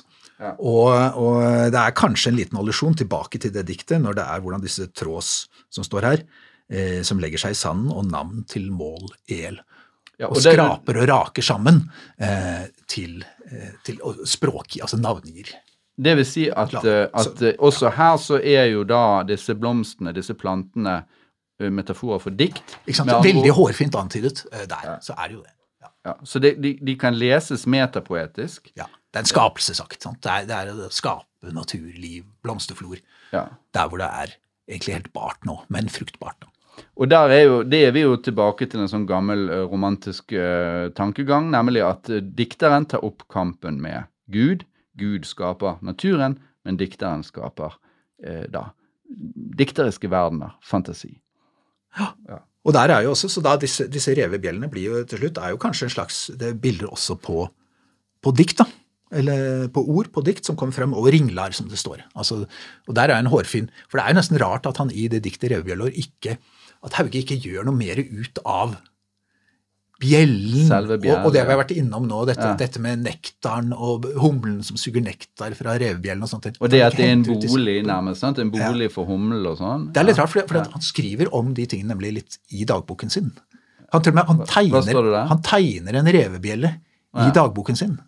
Uh, så han er ganske opptatt av han er opptatt av revebjelle. han har sett en sånn spesiell revebjelle hvor altså topplomsten får en annen form, og det, og det syns han var så slående at det, at det han tegnet ned. Og det har jeg sett, det måtte jeg slå opp og lese litt om revebjeller. Altså at det, det kan skje med den typen planter at toppblomsten får en sånn spesiell form, og det har han observert da, og, og, og tegnet ned. Så, Men han, han forbereder iallfall den revebjellen med blå fingerbjør. Du kunne jo faktisk også lese det som en revebjelle, for revebjelle kan jo være bortimot blå, kan ikke det? Eller, eller iallfall Ja, den- den er eh, jeg tror, Men, men ja, det, jeg tror jeg er enig i, det er sånn nok, det er nok eh, blåklokka, men det er jo veldig lignende form. Altså fingerbøllform. Ja, ikke sant? Det er jo det, er jo det. og det er vel det som ligger i det engelske ordet 'glove'. Ja. At man altså kan tre det på fingeren. En slags lek for barn. Ja, og det fins finnes jo norske navn på, på revebjell som er Nå har jeg faktisk ikke fått med meg det. Jeg hadde et sånt etymologisk ark her. Jo, der var det, ja. ja vi kan ta det etterpå. Ja. Eh, Men, det- men det er klart, det er fingerbjør, ja, og det er hans navn altså for blåklokker. Som, Ja, som det foregriper uh, reve, revebjellene. Så det der eh, Det er nesten litt rart at, at han ikke skriver litt mer om det. Bruker litt mer av det poetiske potensialet i dette diktet. Men dette er jo tidlig dikt, så det kan hende at han, han eh, Han var ikke helt, han hadde fått øynene opp for revebjellens eh, poetiske potensial. Ikke alle sier det, men han har i hvert fall fått øynene opp for akkurat det, hvordan de står der og, og så å si brenner. som det er jo, Brann er jo det siste her. De står der og brenner og gløder i, i dette såret i skogen, som de da dekker til og, og gjør vakkert. Ja, det er en fantastisk eh, Og, og denne brannen som, som, eh, som også er er, veldig ofte da en metafor for inspirasjon og dikting og sånn. Altså Mm. flammen hos Whitman og sånn. Og det er jo, han, han har jo, Jeg har faktisk lurt på om dette er litt en Men det tror jeg ikke egentlig det er, da jeg kom til å tykke, men at det er en ekfrase, altså et dikt for- Fordi at eh, Astrup Han har jo vært ganske opptatt av Astrup sine malerier. ja. Hauge og, Astrup har jo et, et, et maleri, eh, eller et sånn revebjellemotiv som går inn i flere malerier. egentlig. Men er, det grustak? Er det med et grustak? Nei, det er ikke en grustak. Det er, jeg, man kan ikke si Det er ikke den ekfrasen. ekfrase. Det tror jeg ikke. det holder ikke med en revebjelle. Det er ikke er mange som har reve- revebjeller. Ja, ja, det er mange som eh, det, Revebjellen er, eh, det er, det er en fascinerende plante, faktisk, som, som eh, ja, flere diktere har fått noe ut av. Sånn. Nå, er vi eh, inne i siste fase, nemlig eh, og på mange måter en kulminasjon. For nå er vi kommet frem til da dette diktet som jeg opprinnelig egentlig hadde lyst til å diskutere. Eh, det er veldig sjelden eh, at jeg leser eh, helt ny poesi som slår meg som instant classics. Men dette mener jeg er en slik erfaring. Jeg tipper at det kommer til å bli stående. Jeg tipper at det kommer til å bli antologisert. Eh, jeg syns det er rett og slett utrolig bra. Det er vanskelig å lese av litt forskjellige grunner, som kanskje vil fremgå. Eh, men hvis jeg nå har det her da, foran meg, eh, så kan jeg prøve å lese det. Det er altså fra samlingen England's Green 2022. England's Green er jo i utgangspunktet, for meg iallfall, eh, helt åpenbar referanse til eh, William Blakes eh, dikt eh, Jerusalem. eh, And did those feet in ancient times uh, walk upon England's mountains green? Og så kommer det England's green også lenger nede i det samme diktet. Det er en forestilling om den britiske, eller den engelsk øyen England, da. Eh, Storbritannias eh, ja, det ble vel først og fremst England, kanskje, som er da den grønne øyen. Eh, og hvor Blake foreslår at vi skal bygge det nye Jerusalem. Og det nye Jerusalem for Blake er ikke noen kristen utopi, det er en fantasiens eh, hage, egentlig. Jeg, jeg får ikke hele den Blake oppi hodet der. Jeg, jeg tenker bare at det er en, en sånn pastoral, altså hyrde, en sånn natur. En grønn slette. Eh, Et, et, et sted for eh, eh, refleksjon og Men alle Poesi. engelske skolebarn har sunget i The Jerusalem. Det er en av de mest berømte salmene i England. Så der får du, der får du ta meg på mitt ord at det er helt, helt åpenbar referanse til Jeg bare sier at jeg fikk ikke det opp i hodet. Nei, men du som holder på med salmer, du må lese Ja, men jeg vet, ikke, jeg vet ikke heller eh, hva det tilfører dette diktet. Det kanskje går litt langt, men, men i hvert fall at det er en, en versjon av Jo, for det er jo nettopp den, det er jo nettopp hva er potensialet til denne grønne øyen? Hva skal vi gjøre med denne grønne øyen? Men det er nå så, vi kan komme inn på det. Men det gjelder jo ikke bare dette diktet, sant? det gjelder jo hele samlingen. Mm. Um, men iallfall Eh, det går slik. Sometimes I like to hide in the word foxgloves. In the middle of foxgloves, the excala is hard to say out of the England of its harboring word. Alone it becomes a small tangle, a witch's thimble, hard to toll bell, elvish door to a door. Exgle, a place with a locked beginning, then a snag, a gl, like the little Englands of my grief, and not a dark that locks light in, glisten, glow, glint, gleam, and Oberon's banks of eglantine, which closes in on the opening of Gulliver, whose shrunken gull says rose in my fatherland. Meanwhile, in the motherland, the exg is almost the thumb of a lost mitten, an impossible interior, deeper than forests and further in, and deeper inland is the gulp, the gulf, the gap, the grip that goes before love. Ja. Ja, der, der, der leste, prøvde å lese de der eh, korte Exgle-greiene. Ja, du var flink. Det ble På- merkelige glutale lyder der. På, på samme måte som, som uh, Konial selv, da, fordi han har lest dette inn. eh, Det fins på, på YouTube. Mm. Så, så ja. Så, så, så vi, kan jo, vi kan jo liksom ta det litt i tur og orden, men, men dette med revebjellen er jo er sentralt. Og det, det spesielle med ordet er jo at det er det samme. Det er bare norsk visstnok og engelsk som har dette ordet. Altså Ja, ja, ikke sant, rev seg, til, ja, Ja. knyttet til reven, og det har vi jo prøvd å finne ut, men det er veldig vanskelig. Det, er, det vanlige er at folk sier vi, vi forstår ikke hvorfor det er rev, eller foks, da, som er knyttet til den blomsten. Men, men man kan jo ha noen teorier. En ting er jo bare at den er rød. Den er jo ikke akkurat reverød, men, den, men den er rød, Ja. eh, vanligvis, da. Øh, men du hadde også noen andre eh, forslag? Ja, altså det, det, er jo, det er jo generelt sånn at dyrenavn i en del planter i fall er brukt nedsettende, altså ting som man ikke kan bruke, og sånn som eksempel hestehov eller eh, hundekjeks og sånn, eh, og som gjerne ofte refererer til en annen plante som den ligner på, men som, men som er nyttig, da. En Ja, nytteplante. Ja, ikke sant. Mens, mens, mens med rev så har man ikke, så har man ikke uh, konkludert med at det, at det er rimelig, da. Så jeg tror kanskje det at, det at den er giftig, kan spille inn, muligens. At den er en liten luring. Ja. Den er både rød og lur, så å si. Eh, den kan helbrede deg, men den kan også drepe deg, på en måte. Ja. Eh, sånn at eh, det er kanskje noe der, da. Ja, ja for den brukes Den blir brukt i noen medisinske sammenhenger, sånn i folkemedisinen, men den er jo giftig, da. Det er jo det som er som, som også er relevant i forhold til bruken i Hauges, i Hauges dikt på slutten. Og så er det, også, for, så er det også foreslått at det var en, det var en overtro knyttet til revebjellen. Du, du, måtte ikke, eh, du måtte ikke plukke bladene av en revebjelle, for da kom reven og tok lammene, eller da eh, Ja.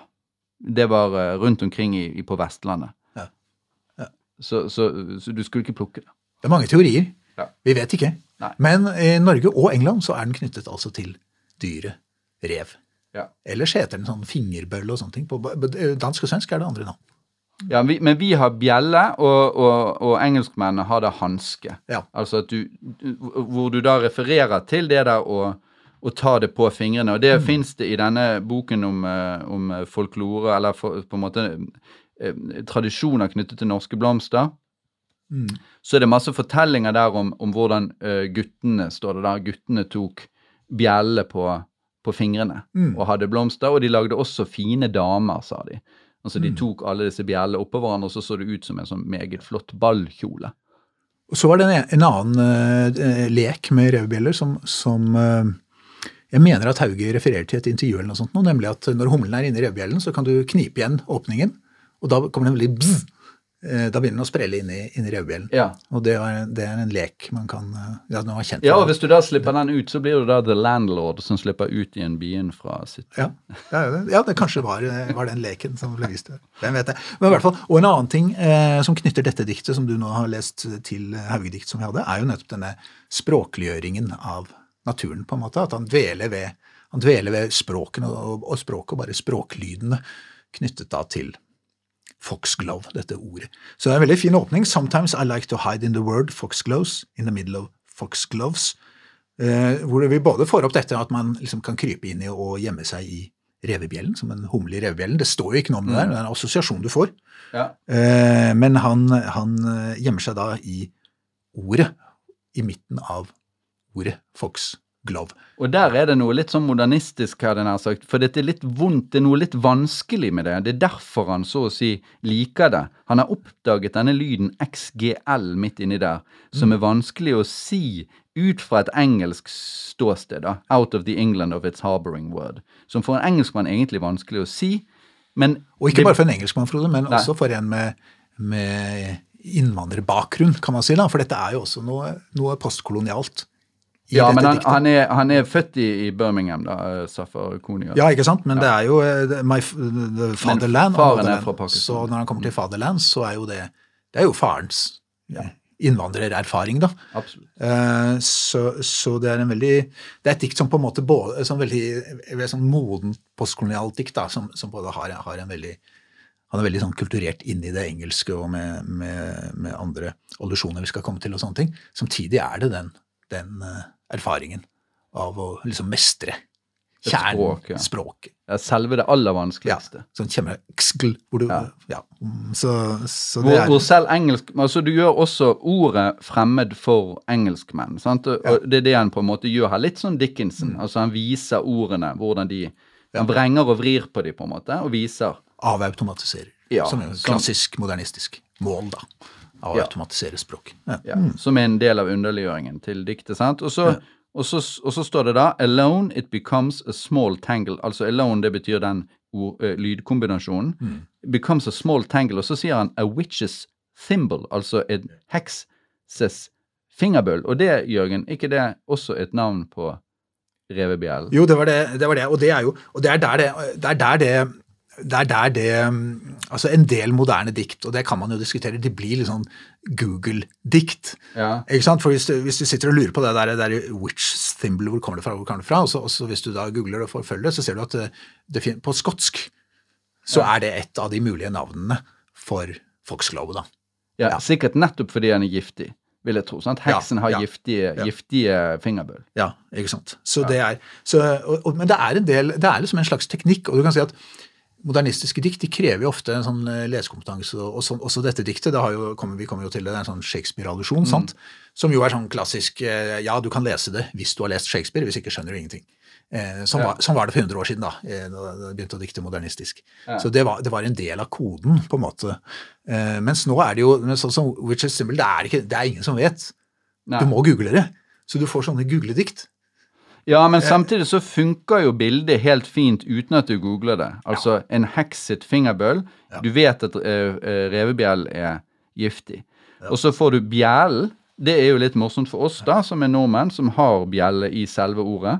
Der kommer hard to toll bell. Ja. Det er en referanse, etter mitt syn, helt klar til Ode to a Nightingale av Keats, for der kommer du Elvish, og du kommer da etter hvert til Eglantine, som alle eh, bilder som er i, hos Keats, som er også refererer videre. Altså Keats refererer til Oberon eh, hos i Midsummer Night's Dream av Shakespeare, og Safar Koniel fanger opp både Shakespeare og Keats i sin.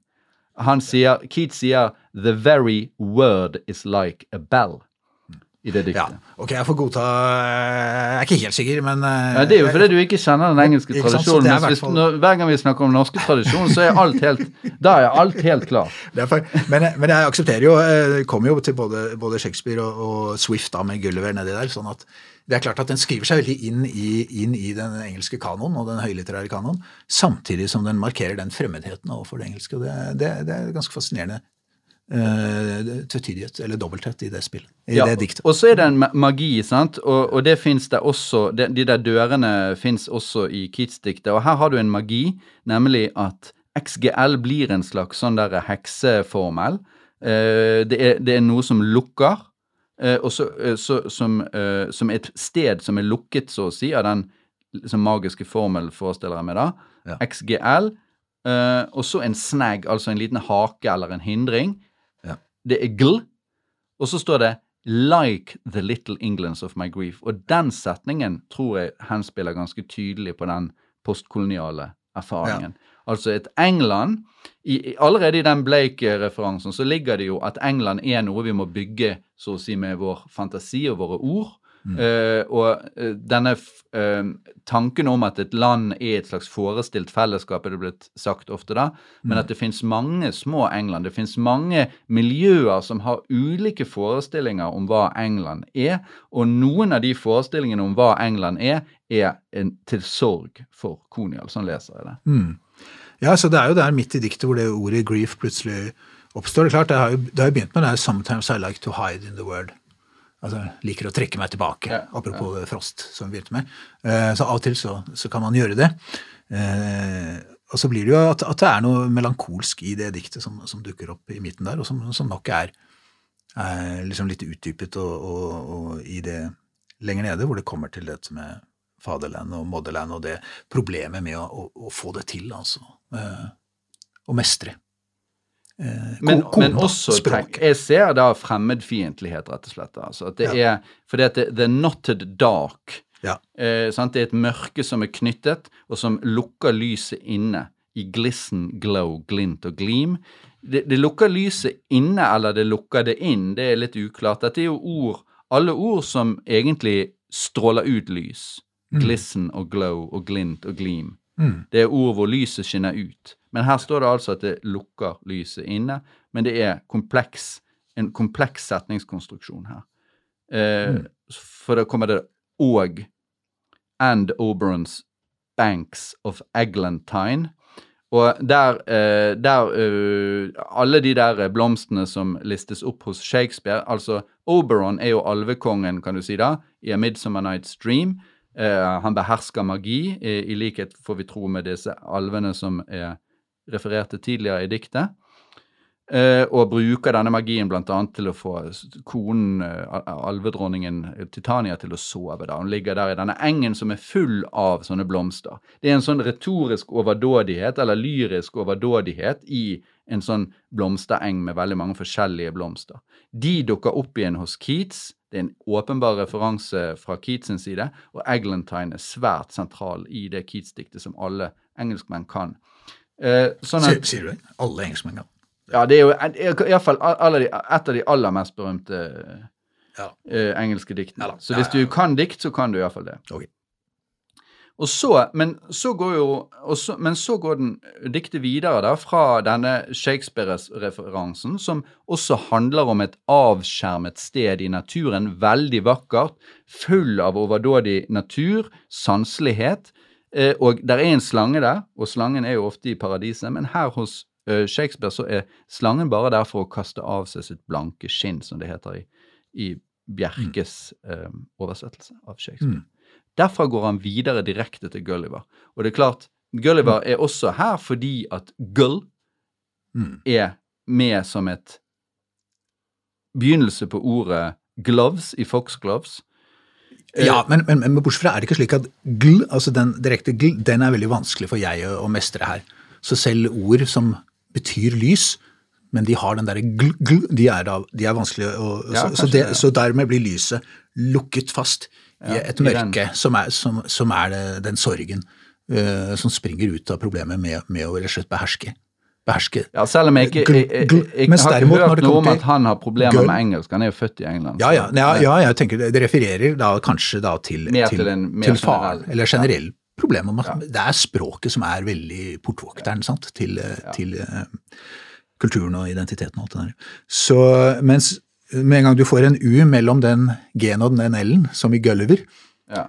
så betyr det jo noe plutselig på hans fars språk da. eh, som faren som var begravd i Kashmir, tror jeg. nå. Ja, og den gull er også begravet. Shrunken gull. Føler jeg den liksom ligger begravet nede i ordet Gulliver. Så da åpner det seg Som Sånn graver det opp. Ja. Og da kommer plutselig dukker rosen opp. Rosen, som jo er den aller mest ut av ordet Gulliver. Det er ganske Ja. flott. da. Ja, det er ganske flott. Og det er jo, rosen er jo selvfølgelig den aller mest konvensjonelle av alle blomster, da, som, som, eh, som betyr skjønnheten. Skjønnhetens tilstedeværelse på jorden. Mer enn noen annen blomst, da. Rosen. Mens Så det- Gulliver, hva betyr Gulliver? Ja, hva betyr Gulliver? Her? Altså, Jo, det er jo Ja. også den koloniale erfaringen. Gulliver Ja. er jo, er jo en, et Absolutt. emblem på den, ja på den koloniale engelskmannen, den som erobrer. Gulliver eh, reiser hit og dit. Han reiser som kjent da, til kjempenes land og til eh, ja, småfolkets land. Og så kommer han jo til hestenes land, eh, og de er jo langt overlegne, og så vender han tilbake og er full av misantropi og, og sånn i forhold til menneskene. da. Så, så det, er, eh, det er en postkolonial kan man si, reiseerfaring som, som ligger i det med, med Gulliver. Men her er det da en identitet, her er det jo noe som åpner opp, da. Akkurat det gul, som betyr rose, in my fatherland, som det står da, som er, som er Pakistan, da. går jeg Ja. Mm. Og så har du da eh, Meanwhile in the Motherland, og der får vi tro at det er da England. Ja, ja. Så er det XG. Uh, is almost the thumb of a lost mitten. Ja. Uh, og der er vi igjen tilbake til da hansken som er i, uh, i eh, Foxgloves, bare at her er det en vått, Ja. og så er det tommel, da. En mistet vått, Ja. Ja. ja, en mistet vott, ja. Det er jo et sånt russisk eventyr egentlig om den mistede votten, men jeg, jeg fikk ikke noe mer. Altså, jo, eh, faktisk, jeg vet ikke om du kjenner til det eventyret. Det, det er en slags, eh, det er en vott som blir mistet i skogen, og så kommer det først et lite dyr inni, og så, inviter, så det er hele tiden et nytt dyr, og til slutt er det bjørn og alt mulig oh, ja, som bor inni den votten. Ja, så det? de, dermed er det pos, impossible interior, Ja. faktisk. Ja. Så det, kan, det er ikke helt umulig at det men, eh, men, Så det er et eventyr, The Lost Mittel. Ja. Men det kom jeg på nå, da, så jeg har ikke forberedt, jeg har ikke sjekket det noe grundigere. Men at det er en impossible interior deeper than forests, er jo en, nesten også en liten eh, vink igjen til eh, vårt første dikt. Mm. Eh, den, den store, mørke skogen. Dype skogen. Ja, og, og det minner også, Jeg mener at det står i, hos Haugan snakker om det skulle vært en tommeliten som kunne krype inn i, Ja. inn i revbjellen. Ja. Mm. Så, så her har vi da denne votten eh, Ja. på slutten, og så har vi, eh, og så har vi da som, som er en slags verden, rett og slett. Et, et slags sted hvor det går an å fortape seg da. Eh, og så har du enda dypere inland. Is Ja. the gulp. The gulf. Her har vi igjen disse g-ene. Men nå hoppet du over an impossible interior deeper than forests and further in. Ja, det var det jeg alluderte til, da. Ja, ikke sant? Eh, apropos Frost. Ja. Ja, det var det jeg sa. Ja, Og, ja, og jeg så tenkte på noe annet. Jeg kom til å tenke på Haugens dagbøker. Jeg hørte ikke etter hva han sa. det. Jeg beklager det. Nei, Ja, det var, nettopp det jeg sa. Det er Ja, Frost som er også ja, Frost. veldig, veldig, veldig poengtert. God kommentar. God kommentar. Jeg satt i andre tanker. Ja. Og det er fort gjort når man leser dikt. Eh, da, da, da fortaper man seg i, eh, i dikt som er dypere enn skoger. Og, og enda dypere inn da. Her Innlandet. Ja. Uh, inland uh, is the gulp. Ja. Altså, det er jo egentlig et gulp, da. Uh, gulp. Ok. Og the gulf eh, er jo da noe litt annet.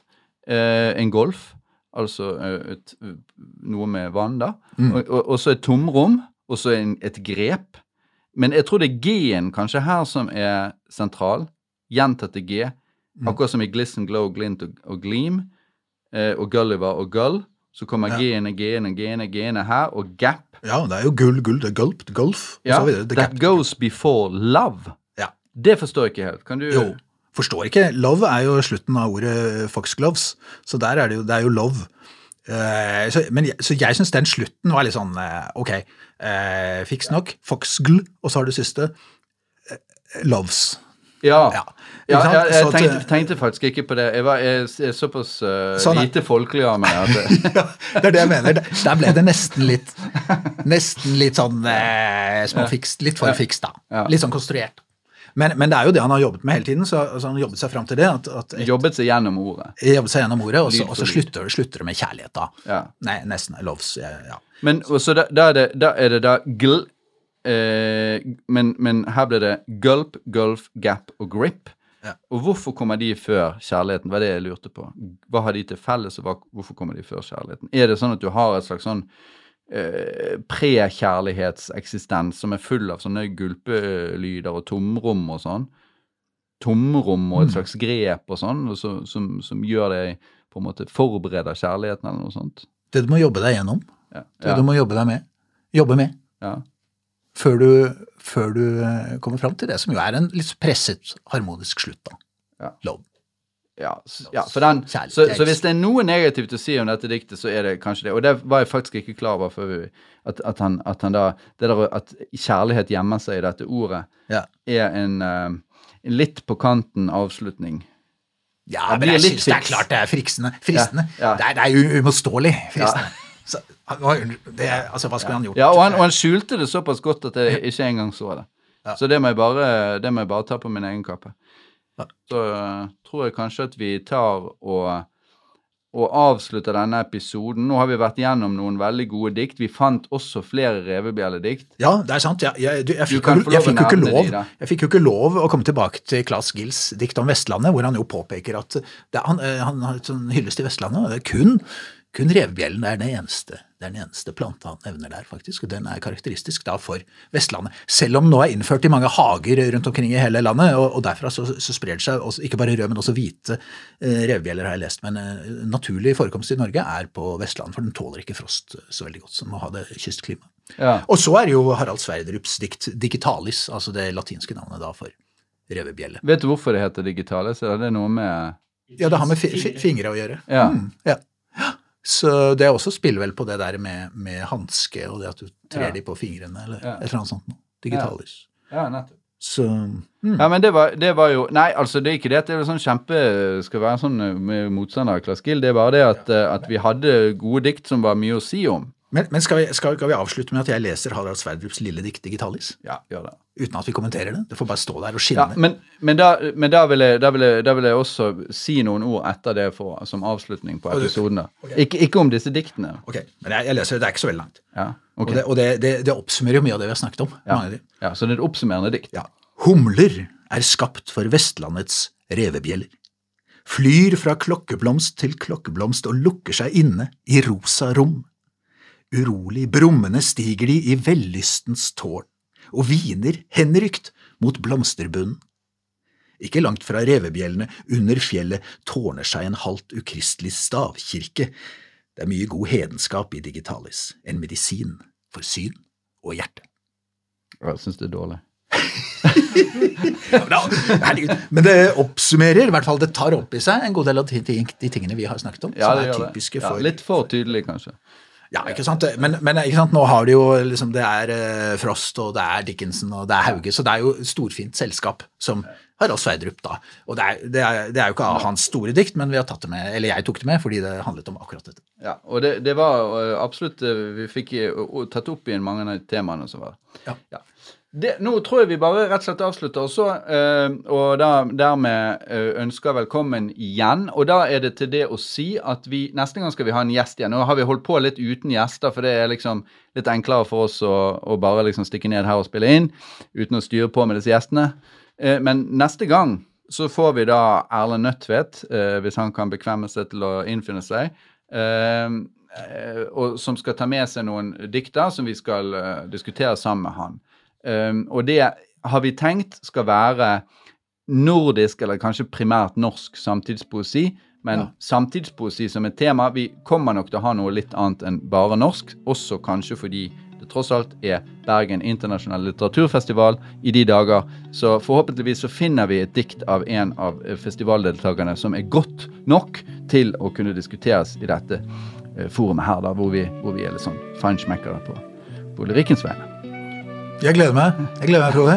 Ja, det blir bra. Ja, det blir